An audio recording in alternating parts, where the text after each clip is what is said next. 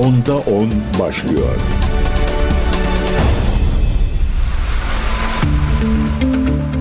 Değerli CGTN Türk takipçileri ben Gökün Göçmen Onda 10 programına hoş geldiniz. Şöyle bir haftada neler yaşandı, neler oldu bir tur atalım. Amerika Birleşik Devletleri'nde bir değişim var. Hint Pasifik Koordinatörü şimdi Dışişleri Bakan Yardımcısı oldu. Yani ABD Dışişleri'nin iki numaralı ismi oldu. Peki bu ne anlama geliyor? Onda onda sizlere anlatacağız. Çin ile devam edeceğiz. Çin ve Rusya hattında önemli bir görüşme yaşandı. Çin Cumhurbaşkanı Xi Jinping Rusya Devlet Başkanı Vladimir Putin ile telefonda konuştu. Gündem Çin yeni yılıydı. Taraflar diplomatik anlamda birbirlerine güzel mesajlar gönderdiler. Ama daha sonra bir xten tutun da bölgesel ihtilaflı konulara kadar birçok konuda da görüş alışverişlerinde bulundular. Neler söylediler onda onda sizlerle birlikte olacak. Madem Rusya dedik tabi gündemdeki en önemli e, maddelerden bir tanesi de Rusya Devlet Başkanı Vladimir Putin'in eski Fox sunucusu e, Tucker Carlson'a verdiği röportaj. Epey uzun sürdü. 2 saatlik bir röportajdan bahsediyoruz. Öne çıkan maddeleri sizlere aktaracağız. En önemlisi elbette Rusya ve Ukrayna arasındaki silahlı ihtilaf. E, bizi yenmek imkansız dedi Rusya Devlet Başkanı Vladimir Putin ama müzakere masasına da kapıyı kapatmadı. İstanbul'u işaret etti. Onda onda sizlere aktarmaya devam edeceğiz. Oradan Amerika Birleşik Devletleri'ne geçeceğiz. Amerika Birleşik Devletleri'nde gündem Biden'ın bunaması. Biden sert tepki gösterdi. Kendisi hakkında yazılan raporda hafızasının iyi olmadığı söylenmişti. Biden nasıl bir cüretle bunu söylerler dedi ama tarihin cilvesine bakın. Bir günde iki kez iki kez gaf yaptı ABD Başkanı Biden e, Mısır'dan bahsederken Meksika dedi. Siz şimdi diyeceksiniz ki ne var canım birbirine benziyor Mısır Meksika öyle değil İngilizce'de değil mi bir tanesi Meksiko diğeri Egypt alakası yok birbiriyle. Geçelim ikinci günde yani yine aynı günde ikinci gafını yaptı. Merkel'den bahsederken Merkel'den e, önceki iktidarda bulunan Helmut Kohl'dan bahsetti. Çok eski bir isim. E, malum Biden'ın yaşı da var. Raporda kendisiyle ilgili neler söylendi. E, devam edeceğiz. Biden hakkındaki raporu sizlere aktaracağız ama Biden bu e, İsrail-Filistin meselesine dair önemli mesajlar verdi. E, nadir de olsa İsrail'i eleştirdiği anlardan birine tanıklık ettik. Çok fazla masum insan öldürdüler dedi. E hani e, nefsi müdafaydı? Hani İsrail kendini savunuyordu? İşte gerçekler biraz ağırdır ama nihayetinde yalanları geçerler. Pakistan'da önemli bir seçim var demiştik. Dün size adayları aktarmıştım. Kim kimdir diye bir tur yapmıştık. Şimdi sonuçlar netleşmeye başladı. Pakistan seçimlerine yine konuk olacağız ve ardından şöyle bir Avrupa'ya bakacağız. Avrupa'da neler oluyor, neler bitiyor? Avrupa eylemlerle sarsılıyor. Bir süredir çiftçi eylemleri vardı Avrupa başkentlerinde. Yeni bir başkent daha eklendi. İspanya. Bu arada Yunanistan'da çiftçilere ek olarak öğrenciler ayağa kalktı. Polisle çatışıyorlar. Neden? Özel üniversiteler kurulmasın diye. Çok ilginç Yunanistan'da hala tek bir özel üniversite yok. Bu yasayla korunuyordu. Sadece devlet üniversiteleri olacak diye. Ama anlaşılan o ki Yunanistan'da da işler değişmeye başladı. Hepsi onda onda olacak. O halde başlayalım. En önemli gündem maddesi bugün aslında geleceği ilgilendiren bir atamadan bahsediyoruz. Amerika Birleşik Devletleri'nde Hint Pasifik Koordinatörü olarak görev yapan Kurt Campbell senatodaki oylama neticesinde Blinken'ın yardımcısı oldu. Yani ABD Dışişleri Bakan Yardımcılığına yükseldi. Peki neden önemli Kurt Campbell'ın dışişlerinin ikinci adamı olması? ABD kamuoyunda müesses nizamın yani iktidar iktidarlar gelir geçer ama bazı isimler değişmez dedikleri adamlar vardır. Kurt Campbell da onlardan bir tanesi. Trump döneminde bir kez görev yapmadı ama daha öncesinde Obama ve Biden döneminde görev yaptı. 69 yaşındaki bu diplomat Amerika kamuoyunda Asya çarı olarak biliniyor. Ya da Hint Pasifik çarı da diyenler var kendisine. Neden böyle? Çünkü kafayı içine takmış durumda bu adam. Ee, aslında Amerika Birleşik Devletleri'nin resmi tezlerine büyük oranda katkı sağlayan ve hatta denilebilir ki onların mimarlarından bir tanesi. ABD Başkanı e, Barack Obama, eski ABD Başkanı Obama döneminde görevdeydi ve bir teori ortaya attı. Asya pivot teorisi. Bu Amerika Birleşik Devletleri'nin yeni dönemdeki dış politika yönelimini belirleyecekti. Peki Asya Pivot neydi? Asya Pivot özetle şuydu. Amerika'nın çıkarları dünyanın hiçbir yerinde olmadığı kadar Asya'dadır. Asya'da atmaktadır. Neden? Artık gelecek Asya'da belirlenecek bunu. Zaten dünyanın her tarafındaki uzmanlar, siyasiler tespit ediyor. Üretim gücü bakımından bu böyle. Devasa geniş bir e, orta sınıfa sahip olması nedeniyle bu böyle. E, ülkelerin stratejik konumları nedeniyle bu böyle. Liste uzayıp gider ve e, Kurt Campbell Barack Obama döneminde Asya pivot teorisinin mimarları arasında yer aldı ve Hillary Clinton o dönem Foreign Affairs dergisine bir makale yayımladı. İşte bu Asya pivot makalesini kaleme aldı ama arkasındaki isim Kurt Campbell'dı. Özetle şöyle başlıyordu bu makale. E, ABD bir Asya Pasifik, Hint Pasifik ülkesidir diyerek başlıyordu ve Asya pivot teorisi uyarınca Amerika Birleşik Devletleri artık dış politikada öncelikli alan olarak Asya'yı belirlemişti. Bunun anlamı da şuydu. ABD dünyanın her tarafında bulunacak artık güce ve kudrete sahip değil. İkinci Dünya Savaşı'nın hemen ertesindeki o azametli gücünden bahsetmek mümkün değil. Gerileyen bir güçten bahsediyoruz. ABD'li isimler de bunun farkında olacaklar ki kademeli olarak dünyadaki diğer bölgelerdeki güçlerini çekip Asya'ya odaklanmak istediler. Hatta o dönem Obama Afganistan'dan, Irak'tan, Suriye'den askerlerini çekmek istedi. Kimi girişimlerde bulundu ama tabii Orta Doğu'da hiçbir zaman işler planlandığı gibi gitmiyor. Ee, şiddetlenen çatışmalar, ABD'nin içerisindeki bölünmeler nedeniyle bu planı hayata geçiremedi. Barack Obama ama nihayetinde bu eğilimin Trump döneminde de sürdüğünü gördük. Trump e, Orta Doğu hakkında şöyle diyordu. Kan, kum ve gözyaşından başka bir şey değil burası diye bakıyordu. E, süre gelen bu Asya Pasifik politikası e, her ne kadar e, Kurt Campbell görevde olmasa da Trump döneminde de ayak izlerini görmek mümkündü.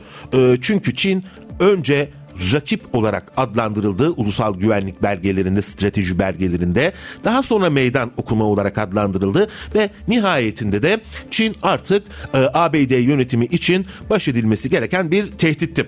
Geliyoruz Biden dönemine. Biden döneminde Kurt Campbell tekrar sahneye çıktı. E, devam eden süre gelen artık bir devlet politikası haline gelen Çin ile mücadelede bu kez Trump'tan farklı bir yöntem izlemek istedi. Neye başvurdu? Trump'ın aksine müttefiklere önem verdi. Çünkü Trump müttefiklerine çok fazla önem veren bir lider değildi. Uluslararası anlaşmalara riayet eden bir lider değildi. Kafasını estiği gibi anlaşmalardan, ittifaklardan ayrılıyordu ve ülkeleri biraz daha havuç değil de sopayla hizaya getirmeye çalışıyordu. Ama Kurt Campbell geldikten sonra Çin politikasında ittifaklar siyaseti ön plana çıktı. Oldukça tehlikeliydi bu. Mesela AUKUS. AUKUS dediğimiz Amerika Birleşik Devletleri, e, Avustralya ve Birleşik Krallık'tan oluşan ve Avustralya'ya denizaltı, nükleer denizaltı tesis edilmesini öngören bir ittifak bu ittifak ve arkasındaki isim yine Kurt Campbell'dı. Bu ülkeleri bir araya getirdi ve öyle bir araya getirdi ki daha önce Fransa'nın Avustralya ile nükleer silah anlaşması vardı. Onları da e, devre dışı bıraktı. Fransa'yı devre dışı bırakmak pahasına bir Anglo-Sakson ittifakı kurdu. Bu oldukça önemliydi ABD açısından ama dünya açısından da bir o kadar tehlikeli. Neden? Bir, nükleer riski içerisinde barındırıyor. İki de Kurt Campbell soğuk savaş tipi ittifakları inşa etmeye çalışıyor. Ee, Asya'nın NATO'su gibi arzuları olduğu gözüküyor her ne kadar kendi söylemese de. Quad platformunu canlandırdı. Quad platformunun içerisinde Japonya, Hindistan, Güney Kore yer alıyor. Bu Quad platformunu da Çin karşıtı bir ittifak haline getirmeye çalıştı. Bununla da yetinmedi Kurt Campbell. E, Japonya ve Güney Kore'yi e, aynı paydada Çin karşıtlığında buluşturmaya çalışırken bu iki ülkenin arasındaki ihtilafları da düzeltmeye çalıştı. Çünkü Japonya ve Güney Kore Asya'nın bu iki ülkesi e, birbirleriyle tarihsel olarak sorunlara sahip. Özellikle 2. Dünya Savaşı sırasında yaşanan hadiselerden dolayı e, ancak bu iki ülkeyi bir araya getirdi ve bir zirve düzenledi Kurt Campbell. E, dolayısıyla Çin politikasına yön veren bu isim şimdi Dışişleri Bakan Yardımcısı oldu. Farklı yorumlanıyor. Çinli uzmanlar tarafından farklı yorumlanıyor. Asya'daki ABD'nin müttefikleri, ortakları hatta müttefik ortak demeyelim onlara. ABD'nin takipçileri demek e, daha faydalı olacaktır. Çünkü e, burada bir çıkar ilişkisinden ziyade ABD'nin politikasını körü körüne takip eden e, ülkelerden bahsediyoruz ne yazık ki. E, şimdi Kurt Campbell'ın Dışişleri Bakan Yardımcısı olması Çin'de nasıl yankılanıyor? E, Kurt Campbell'ın sicili göz önüne alındığında daha yüksek bir mevkiye getirilmesi Çinli uzmanlar tarafından Beijing karşıtı, Pekin karşıtı politikaların daha da derinleşeceği şeklinde yorumlanıyor. Yani Çinli uzmanlar endişe ediyor iki ülke arasındaki ihtilaflar daha da derinleşecek ve bu dünyayı olumlu bir yere götürmeyecek diye. Çünkü Kurt Campbell Dışişleri Bakan Yardımcısı olunca daha fazla yetkiye, daha fazla etkiye sahip olacak. Ama diğer taraftan Asya'daki ABD'yi takip eden ülkeler ise endişeli. Onlar da farklı bir yönden endişeli.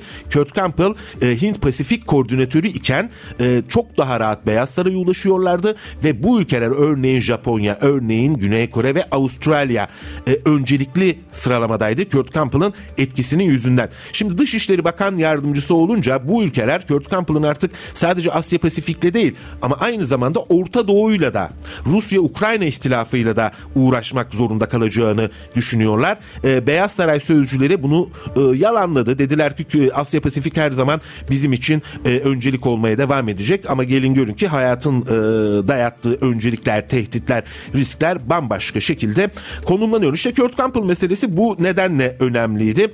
E, Çin-ABD ilişkileri e, farklı bir boyuta girmişti e, Bali ve San Francisco zirvelerinin ardından. Taraflar ekonomide, ticarette, maliyede, e, savunmada, savunma bakanları düzeyinde çalışma grupları oluşturmuşlardı. Kurt Campbell'ın bu şahin politikası devam ederse Dışişleri Bakan Yardımcısı olarak e, iki ülke arasındaki çalışma gruplarının geleceği de tehlikeye girebilir. Çin-ABD ilişkileri önümüzdeki dönemde uluslararası ilişkilerin normlarını neye benzeyeceğini çerçevesini çizgisini çizecek. Bu nedenle biz sürekli Orta Doğu'yu konuşuyoruz. Burada yakın olmamız hasebiyle, acılara kayıtsız kalamamamız sebebiyle ancak şunu da unutmamak gerekir ki uluslararası sistemin geleceği kalbi Çin-ABD ilişkilerinde yatıyor diyelim ve Devam edelim bakalım neler var. Rusya e, Devlet Başkanı Vladimir Putin ve Çin Cumhurbaşkanı Xi Jinping arasındaki görüşmeden bahsetmiştik. Xi Bahar Bayramı yaklaşırken bayram havasının gün geçtikçe daha da yoğunlaştığını işaret ederek Çin halkına ejderha yılına dair e, mesajlar verdi ve bu mesajlarını da Rusya Devlet Başkanı Vladimir Putin'le e, paylaştı.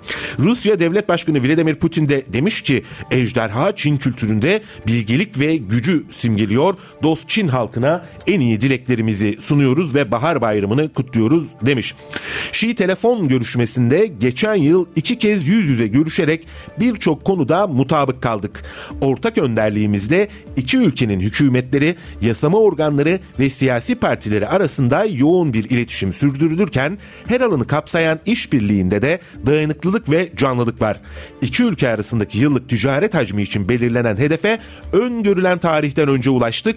Rusya ve Çin olarak iki ülke arasında kültürel, beşeri ve yerel iletişimler yoğun bir şekilde yürütüldü. Bu yıl Çin-Rusya ilişkilerinin 75. yılı kutlanacak. Geçmişte birçok farklı sınamalardan geçtik. Gelecekte de e, fırsatlarla karşı karşıyayız yapmalıyız dedi Çin Cumhurbaşkanı Xi Jinping. Xi Rusya ile birlikte uluslararası çok kutuplu düzenden bahsetti. Bu düzeni güçlendirmemiz gerekiyor. Gerçek anlamda çok taraflılığı hayata geçirmemiz gerekiyor dedi. Yani ABD'nin tek belirleyen olduğu hegemon güç olduğu sistemin sonuna gelindiğini, Çin ve Rusya'nın gerçek anlamda bir çok taraflılık için birlikte çalışmak zorunda olduğunu söyledi ve dedi ki Rusya bu yıl BRICS'in dönem başkanlığını yürütecek. Biz de elimizden gelen desteği Moskova yönetimine e, vermeye devam edeceğiz e, dedi. Putin de bundan dolayı teşekkür etti ve dedi ki Çin'le Şanghay İşbirliği Örgütü gibi çok taraflı bölgesel ve uluslararası çerçevelerdeki iletişim ve eşgüdümü güçlendirmeye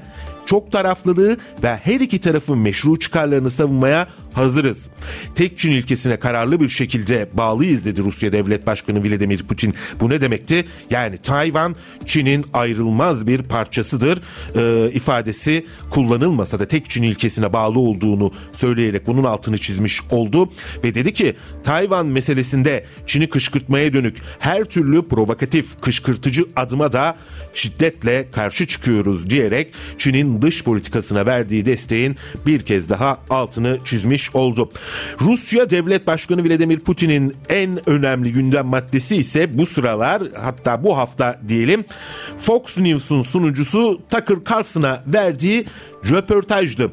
Neler söylemedi ki bu röportajda? 2 saat sürdü bu Tucker Carlson'ın Moskova'ya gidişi, otele girişi, Putin'le buluşması hepsi Avrupa'da olay oldu. Kimileri onu Putin'in şakşakçısı olmakla suçladı. Ee, fakat röportaj öncesinde Carlson dedi ki İki yıla yaklaştı bu savaş. Sürekli Zelenski'yi dinlediniz. E peki diğer tarafta Birleşmiş Milletler üyesi dünyanın en kuvvetli ülkelerinden biri var Putin. Neden dinlemediniz bu kişiyi? İşte ben bu röportajı yapmak için geldim dedi ve e, Kremlin'de dedi ki o diğer batılı gazetecilerden biraz daha farklı diyerek onların teklifini kabul ettim ve nihayetinde de ilk kez batılı bir gazeteciyle iki yıl sonra konuşmuş oldu Putin. Neler söyledi? Sizlere başlık başlık aktaracağım. Rusya Devlet Başkanı Vladimir Putin eski Fox News sunucusu Tucker Carlson ile yaptığı röportajda Ukrayna'da devam eden ihtilafta Rusya'yı yenmenin imkansız olduğunu belirtti. Putin Carlson'a Moskova'da verdiği röportajda Amerika Birleşik Devletleri, ABD ve NATO'ya seslenerek Rusya'yı Ukrayna ile yaptığı savaşta yenmenin Batı için imkansız olduğunu anlamalarını gerektiğini söyledi. Rus lider şu ana kadar Rusya'yı savaş alanında stratejik bir yenilgi uğratma yönünde gürültü ve çığlıklar vardı. Ama şimdi görünüşe bakılırsa bunu başarmanın eğer mümkünse çok zor olduğunu anlamaya başlıyorlar. Bana göre de öyle imkansız ifadelerini kullandı. Burada bir durup konuşalım. Şimdi gerçekten stratejik olarak Rusya e, Kırım'ı topraklarına kattı mı bir referandum neticesinde? Evet. Donetsk ve Lugansk bölgelerine gidelim. Buradan Rusya'yı püskürteceklerdi. Bir referandum neticesinde tekrar Donetsk ve Lugansk katıldı mı bu bölgelere?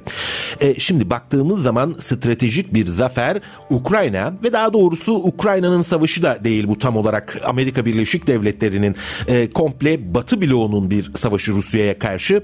Burada başarısız olduklarını savaş sahasında görüyoruz. Ha soracak olursanız ABD tabi bu ihtilaf sayesinde Avrupalı ülkeleri kendi vagonuna kattı mı, bindirdi mi? Evet, e, Avrupa Birliği'nin stratejik e, özellik arayışlarını sonlandırıp Washington'a biat ettirdi mi? Evet e, kimi kazanımlar da var ancak savaş sahasına baktığımız zaman tablo e, İbre Rusya'yı gösteriyor diyebiliriz.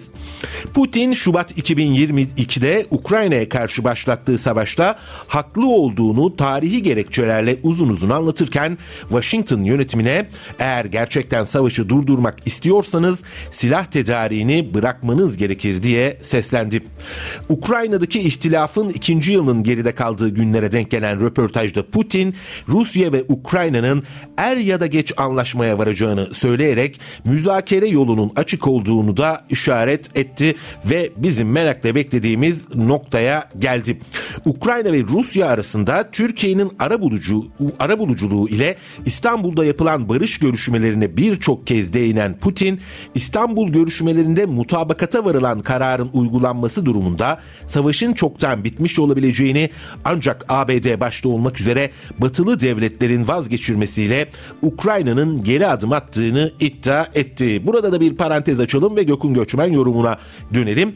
E, o günlerde İstanbul'da burada hemen biz Beşiktaş'tayız. Dolmabahçe'de bir araya gelmişti taraflar ve anlaşmaya çok yakın olduklarını zaten uluslararası basında geçmişti. E, fakat daha sonra buna paralel olarak müzakereler sürerken İngiltere'nin o dönemki Başbakanı Boris Johnson alelacele Ukrayna'ya gitti. Zelenski ile görüştü ve bir anda e, tablo tersine döndü. Yine e, bir katliam yaşandı dendi. Buça'daki e, savaşa işaret edildi ve e, ardından tablo bir anda değişti. O dönemin bizim Dışişleri Bakanımız olan Mevlüt Çavuşoğlu da bunun altını çizmişti. Demişti ki biz anlaşmaya e, daha doğrusu bu taraflar arasında ara buluculuğa çok yakındık başarıya ulaşmakta. Ancak başka ülkeler araya girdi diyerek isim vermeden yaşanan hadiseleri e, gündeme getirmişti. Ve şimdi Yine Putin diyor ki İstanbul görüşmelerinde mutabakata varılan kararların uygulanması durumunda savaş çoktan bitebilir diyor ama bunun için bir şart var. Ee, Ukrayna'nın değil Amerika Birleşik Devletleri'nin geri adım atması gerekiyor. Takıl Carlson'ın Kiev ile müzakere sorusunu cevaplayan Putin Ukrayna ile İstanbul'da imzalar atılmıştı. Neden tekrar yapılmasın diye konuştu. İşte Türkiye'nin o dönemdeki arabuluculuğu gerçekten kıymetliydi. E, fakat şimdi şöyle bir parantez açıp bir de Putin'in Türkiye ziyareti vardı. Oraya değinelim. E, biz İsveç'in NATO üyeliğine galiba evet verdikten sonra denklem değişti mi yoksa onunla ilgisi yok mu bilmiyorum ama Putin'in beklenen ziyareti ertelendi. E, Kremlin sözcüsü Dimitri Peskov da dedi ki tarih henüz belirlenmedi. Ziyaret konusunda mutabığız ancak hazırlık süreci devam ediyor dedi. Peskov ziyaret tarihinin Rusya'da Mart ayında yapılacak devlet başkanı seçimiyle Cumhurbaşkanı Recep Tayyip Erdoğan'ın yoğun çalışma programı dikkate alınarak belirleneceğini kaydederek tarih kesinleştiği, kesinleştiği zaman ortaklarımızla duyuracağız ifadelerini kullandı. Karadeniz Tahıl Koridoru Anlaşması'nın yeniden canlandırılması konusuna değinen Dimitri Peskov bu anlaşmadaki Rusya ile ilgili kısmın uygulanmadığına dikkat çekerek tahıl anlaşmasının yeniden canlandırılması için şu anda herhangi bir neden göremiyorum dedi. Parantezi kapatalım tekrar dönelim. Ee, Vladimir Putin İstanbul için kapıyı tekrar açtı. Yani dedi ki İstanbul'da çok yaklaşmıştık imzalar atmaya. Neden bir kez daha olmasın? Rus lider Vladimir Putin 2 saatten fazla süren röportajda NATO'nun 1990'ların başından bu yana yürüttüğü genişleme çabalarından duyduğu rahatsızlığı açıkça ortaya koydu. Ee, Sovyetler Birliği'nin dağılmasının ardından hem o dönemki NATO Genel Sekreteri hem o dönemki e, Alman şansölyesi e, ve diğer yetkililer sözle e, iletişimde bulunmuşlardı. Fakat tabii sözle dediğimiz olay bu e, diplomaside kayıt altına alınır ve o kayıtlar gün yüzüne çıktı. Demişlerdi ki Rusya sınırlarına doğru bir milim genişlemeyeceğiz. Fakat ne oldu? İşte o ülkeler, o, o ülkelerin oluşturduğu NATO Rusya sınırlarına doğru beş kere daha genişledi. Benim anlattıklarım elbette Rusya ve Ukrayna arasında yaşanan bu silahlı ihtilaftaki e, meseleyi canlandırmak ya da orayı desteklemek değil. Ancak meselenin özünü anlamamız gerekiyor. Bir acı yaşanıyorsa o acıyı durdurmanın e, yolu o acının neden ortaya çıktığını anlamakla başlar ve e, şunu anlamalıyız. Yani bu NATO'nun oluşturduğu güvenlik mekanizması, güvenlik sistemi günün sonunda işte bu karanlık tabloyu beraberinde getirdi. NATO'nun genişlemesine gerek olmadığını savunan Putin, NATO genişlerse her şey soğuk savaş sırasındakiyle aynı olacak. Yalnızca Rusya sınırlarına da, daha yakın olacaklar. Bu kadar ifadelerini kullandı. NATO'nun doğuya doğru genişlemeyeceğine dair sözünüz vardı ama bu beş kez gerçekleşti ifadelerini kullandı. Carlson'ın sorusu üzerine Putin, Moskova'nın diğer NATO üye ülkelerin Polonya ve Letonya veya genel olarak Avrupa kıtasının Rusya tarafından işgalinin söz konusu olmadığını belirtti. E tabi NATO'nun genişlemesine gerek yok diyor ama o NATO yine soğuk savaştan sonraki en büyük tatbikatını yapıyor. Almanya Rusya ile 20-30 yıl içinde savaşabiliriz diye ortalığı velveleye veriyor. NATO sadece Rusya ile sınırlı kalmıyor. Bir de şimdi gözünü Asya Pasifik'e dikti. Ee, Jens Stoltenberg NATO Genel Sekreteri maşallah ağzından Çin eksik olmuyor. Oysa ki e, Atlantik'in iki yakası Avrupa ve Amerika Birleşik Devletleri'nin sözüm ona güven güvenliği için kurulmuş bir teşkilat. Bunu e, ayrıca kendi tüzüğüne de yazmış bir teşkilat. Şimdi hiç ilgisi olmayan bir coğrafyada e, Çin'i kuşatma planları yapıyor ve bunu gizlemiyor. Ee, işte Jens Stoltenberg geçtiğimiz günlerde yaptığı açıklamada daha çok değil geçen hafta ABD'yi ziyaret etmişti. Orada yaptığı açıklamada bugün Ukrayna yarın Tayvan dedi. Ne alakası varsa Tayvan Birleşmiş Milletler'in bir üyesi dahi değil ama tabii NATO Genel Sekreteri yüksek ihtimalle bir ihtilaf noktası olarak gözünü oraya dikmiş durumda ve tabii ki bu e, bölgedeki tansiyonu yükseltmeye devam edecek. Bir de demişti ki e, Jens Stoltenberg biz Çin'e doğru genişlemiyoruz. Çin bize doğru geliyor demişti. Çin'in Afrika'da yaptığı yatırımlardan, araştırmalardan bahsediyordu. E, gazeteci yazar Mehmet Ali Güller'le yorumlarken kendisi elma ve armut bile birbirine daha çok benzer demişti ki hakikaten de öyle bir savunma örgütü kendisini nasıl bir egemen bağımsız devletin ticari ekonomik ilişkileriyle karşılaştırabilir. E, gerçekten e, gerçekleri ters yüz eden bir demeçti. NATO Genel Sekreteri Jens Stoltenberg'in demeçleri.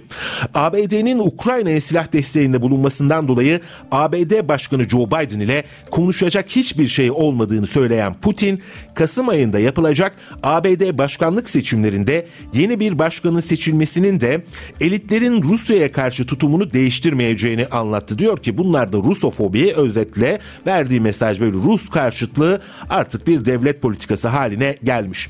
Rus lider küresel güç dengesindeki değişim nedeniyle uluslararası hukukun da değişmesi gerektiğine değindi. Putin tutuklu Wall Street Journal muhabiri Evan Gershokovich konusunda da anlaşmaya varılabileceğini kaydetti. Bu konuyu çözmek istediklerini belirten Putin ancak özel servis kanallarında tartışılan bazı terimler var. Anlaşmaya varabileceğimize inanıyorum dedi. Putin Gershokovich'in komplo kurarak gizli şekilde bilgi topladığını ve yaptığının tam olarak casusluk olduğunu, bununla birlikte iki taraf heyetlerinin bu konuyu çözme yolunda ilerlediğini belirtti. Fox Haber kanalından ayrıldıktan sonra gazetecilik faaliyetlerini sosyal medya platformu Twitter yani yeni adıyla X'te devam ettiren Tucker Carlson'ın Rusya Devlet Başkanı Putin'le röportaj yapacağını duyurması ABD medyasında gündem oldu değerli dinleyiciler. Carlson'a konuşmayı kabul eden Putin 2019'dan bu yana Batı medyasında böylelikle ilk röportajını yaptı. Bazı Avrupa ve ABD medyasında eleştiriler yer alıyor. Amerikalı gazetecinin Putin'in propagandasını yaptığı söyleniyor. Oysa e, gazeteciliğin temel aslında ekseni tüm tarafların e, ne anlattığını duyurmak, aktarmaktır ve Elbette en başta Amerikalıların buna ihtiyacı var. Bu silahlı ihtilaf başladığı günde e, Rus medyasına yapılan yasaklardan sonra benzer bir yorumu kaydetmiştim. Rus halkının e, özür dilerim ABD halkının Rus medyasının ne yazdığını, ne çizdiğini, bu çatışmalarını, e, bu nasıl algıladığını anlaması gerekiyor ki kendileri de daha anlamlı bir noktada süreci değerlendirebilsin. Ancak öyle olmadı. Yaptırımlar, sansürler derken taraflar birbirinin ne düşündüğünden habersiz kendi yankı odalarına hapsolmuş biçimde e, bu çatışmaları izlemekle yetindiler. Ukrayna'dan bahsettik. Ukrayna ile devam edelim. Ukrayna Genelkurmay Başkanı Valeri Zaunsi görevden alındı. Zelenski Ukrayna Genelkurmay Başkanlığına Kara Kuvvetleri Komutanı Alexander Sirki'yi atadı. Zelenski Albay General Sirski'yi Ukrayna Silahlı Kuvvetleri Genelkurmay Başkanı olarak atadım. O Kiev savunma operasyonunu yönetmiş, başarılı savunma deneyimine sahip. O ayrıca Harkiv'in kurtarılması operasyonu gibi taarruz operasyonlarında da başarılı bir deneyime sahip ifadelerini kullandı. Ukrayna Savunma Bakanı e, Rüstem Umerov da sosyal medya hesabından yaptığı açıklamada önceki Genelkurmay Başkanı Valerin e, Zaluzhna Rusya ile savaşta Ukrayna Silahlı Kuvvetleri'ni yönetmek gibi zor bir görevi e, üstlendiğini dile getirerek teşekkürlerini kaydetmiş efendim. Ancak bu Genelkurmay Başkanlığı değişimi son zamanlarda Ukrayna ordusundaki yolsuzluk tartışmalarına paralel olarak gerçekleştirildi. En son bir uçak savar alım meselesi vardı. Binlerce, e, on binlerce doların yurt dışına kaçırıldığı biliniyordu. Acaba Genelkurmay Başkanı bu yolsuzluklardan haberdar mıydı? Bunu bilmiyoruz ama Avrupa Avrupalı ülkelerin, batılı ülkelerin e, Ukrayna Devlet Başkanı e, e, Volodymyr Zelenski'ye sürekli olarak yolsuzlukla mücadele çağrısı yaptığı da aşikar. Amerika Birleşik Devletleri'nde Joe Biden hakkında hazırlanan özel rapora bir göz atalım. Biden'ı çok sinirlendirdi bu rapor. Raporu hazırlayan Robert Hur diyor ki Joe Biden gizli bilgileri evinde tutuyor, e, evinde saklıyor. Rapor Biden'ın başkan yardımcılığını bırakırken bazı gizli belgeleri evine götürdüğünü aktarıyor. Ancak savcılık Biden'a rapordaki bu bilgilerden dolayı dava açmayacak.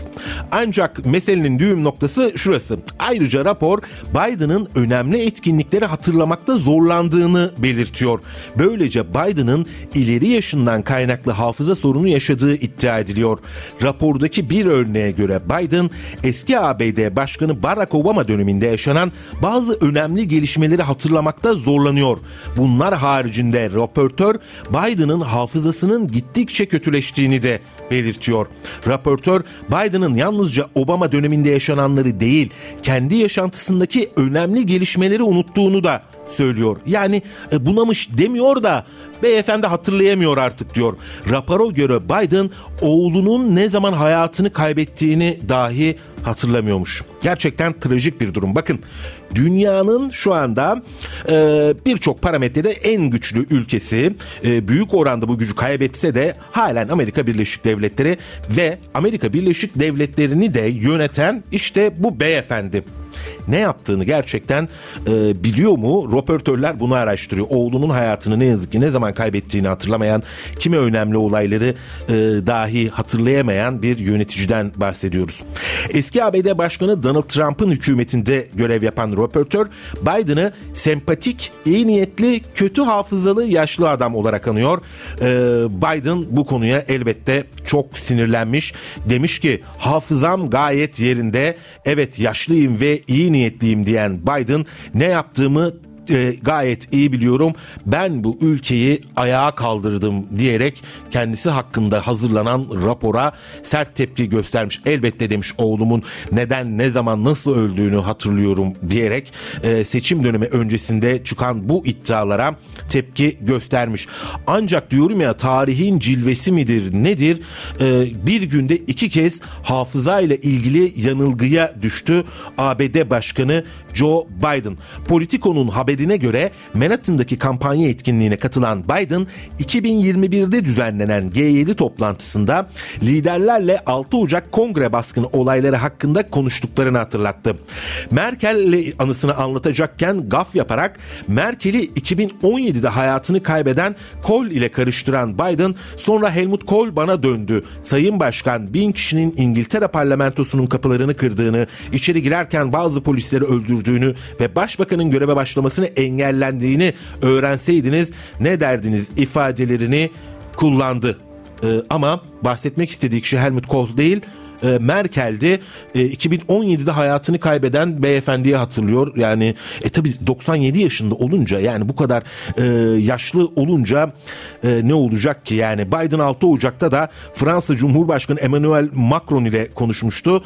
Ama e, Macron ile görüştüm dememişti. Eski Cumhurbaşkanı bakın Biden'ın bunlar hep yaşıtları. 28 yıl önce hayatını kaybeden eski Fransa Cumhurbaşkanı e, Mitterrand'la görüştüm demişti. Adam 28 yıl önce ölmüş. Macron'la görüştükten sonra Biden diyor ki ben Mitterrand'la görüştüm diyor. İşte dün yine hayatını kaybeden eski Alman şansölyesiyle görüştüm diyor. Ee, hani çağırıyor mu derler böyle Türkiye'de böyle tahtaya vururlar ya hani e, Biden artık ben tahtaya da vurulur mu bilmiyorum ama tablo bu şekilde. E, dün yine başka bir açıklama yaptı. E, Mısır'dan bahsedecekken Meksika'dan bahsetti. Ne alaka birisi İngilizce Egypt diğeri Meksiko. Yine hafızası kendini e, yanılttı.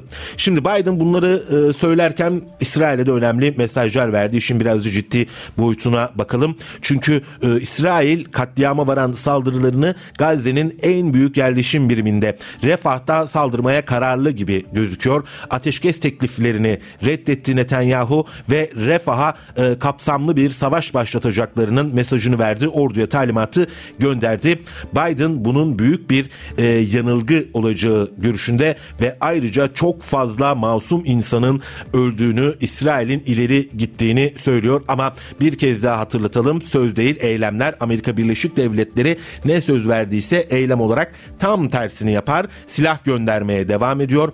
Paketler yardım paketleri geçmeye devam ediyor ve dünyadaki en büyük tarihin en büyük katliamlarından birine böyle destek oluyor. 7 Ekim sonrası bölgeye savaş gemilerini gönderdiğini, e, askeri birliklerini hareketlendirdiğini de unutmayalım. Beyaz Saray Ulusal Güvenlik Konseyi Stratejik İletişim Direktörü John Kirby de günlük basın toplantısında Gazze'deki son durumu ve İsrail'in olası refah operasyonunu değerlendirdi. İsrail'in hemen ya da yakın zamanda refah bölgesine askeri operasyonlara başlayacağı yönündeki planlarını görmedik. Filistinliler refah içinde ve çevresinde korunuyorlar.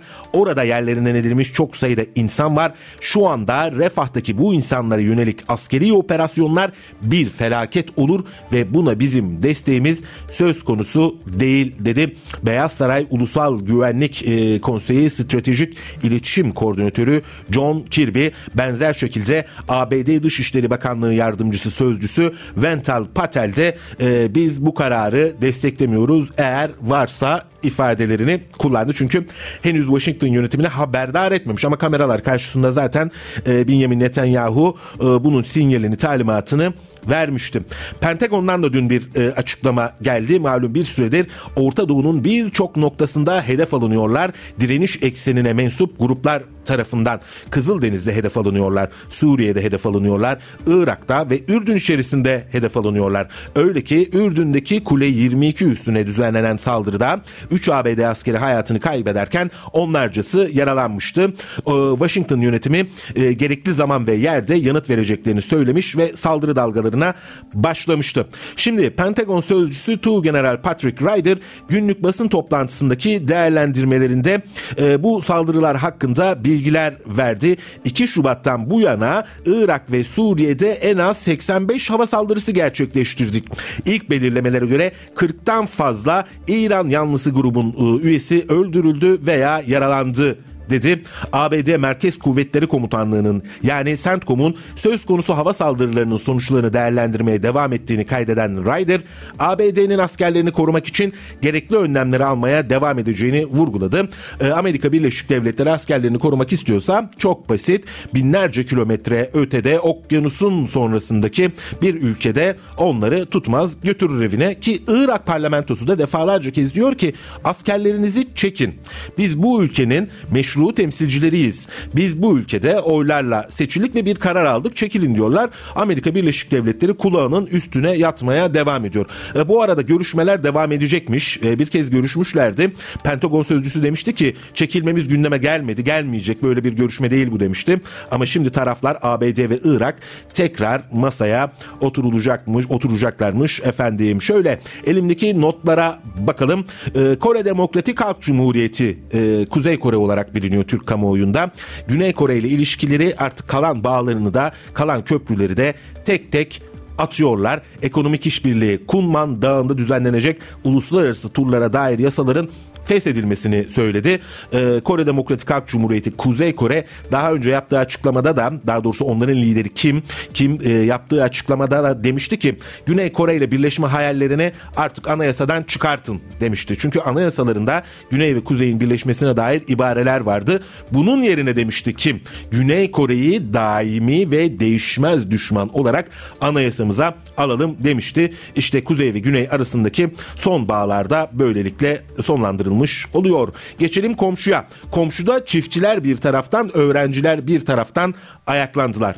Öğrencilerle devam edelim. Çiftçileri zaten sürekli olarak onda onda sizlere aktarıyoruz. Hükümetin yeni yasa tasarısını protesto etmek isteyen 20 bin öğrenci. Türkiye'de 20 bin öğrenci bir araya gelebilir mi? Hiç sanmıyorum bugünlerde. Başkent Atina'daki Panepistimiou meydanında toplandı. Özel üniversitelere hayır, özel üniversitelere giriş yok yazılı pankartlar taşıyan öğrenciler parlamento binasının bu bulunduğu Sintagma Meydanı'na kadar yürüdü. 5. haftasına giren protestolarda ülkelerin çok sayıda fakültesi öğrenciler tarafından işgal edilmiş. Bizdeki böyle 68-70 eylemlerini hatırlattım. Özel okullara karşı yürüyüşler yapılıyordu o dönemde. Biz o dönemden sonra tabii özel üniversiteler e, Türkiye'de yerleştiler. Adeta eğitim bir kapitalist meta gibi pazarlanmaya başladı. Parası olanın kaliteli eğitimi alabileceği, parası olanın oğlunu da e, tekrar kendisi gibi zengin yapabileceği bir eğitim sistemi inşa edildi. Fakirlerin payına ise devlet okulları düştü. Şimdi Yunan Yunanistan'da gençler diyor ki bu böyle olmamalı. Eğitim herkes için aynı derecede eşit, aynı derecede ulaşılabilir olmalı. Parası olanın imtiyaz e, e, elde ettiği bir sistem istemiyoruz diyorlar Yunan gençleri. Yunanistan'da hala özel üniversite bulunmuyor. Kolej adı altında yüksek öğretim seviyesinde hizmet veren eğitim kurumlarının diplomaları ise Yunanistan'da tanın, tanınmıyor. Yasa tasarısına karşı devam eden protestolar nedeniyle bazı üniversitelerde işgaller yaşanıyor. Rektörler Birliği kararıyla işgal konumunda olan üniversitelerde sınavlar çevrim içi yapılacakmış. Yani kimse okula giremiyor. Bu arada tabii bir, uzunca bir süre Yunanistan'da da yaşadığım için biliyorum. Orada polisin üniversiteleri girişi de yasak. Diyelim ki bir olay oldu. Öğrenciler hemen üniversitenin içine kaçardı. Kapıları kapatırdı dış kapıları. Polis girmezdi. Orada beklerdi. Hatta o bir göçmen krizi olduğu zaman da e, kimi zaman göçmenler de e, demirlerden atlayıp üniversitenin içine giriyorlardı ki polis bizi buradan yakalayıp gözaltına almasın diye böyle bir ülkeden bahsediyoruz. 20 bin öğrencinin bir araya gelmesi ve haklarını araması nereden bakarsanız alkışlanacak bir hareket efendim. Değerli CGTN Türk takipçileri ben Gökün Göçmen. Haftanın başında pazartesi günü ben yine CGTN Türk İstanbul stüdyolarında bu mikrofonun başında saat 10'da olacağım. Sizleri de bekliyorum. Onda 10 sona erdi.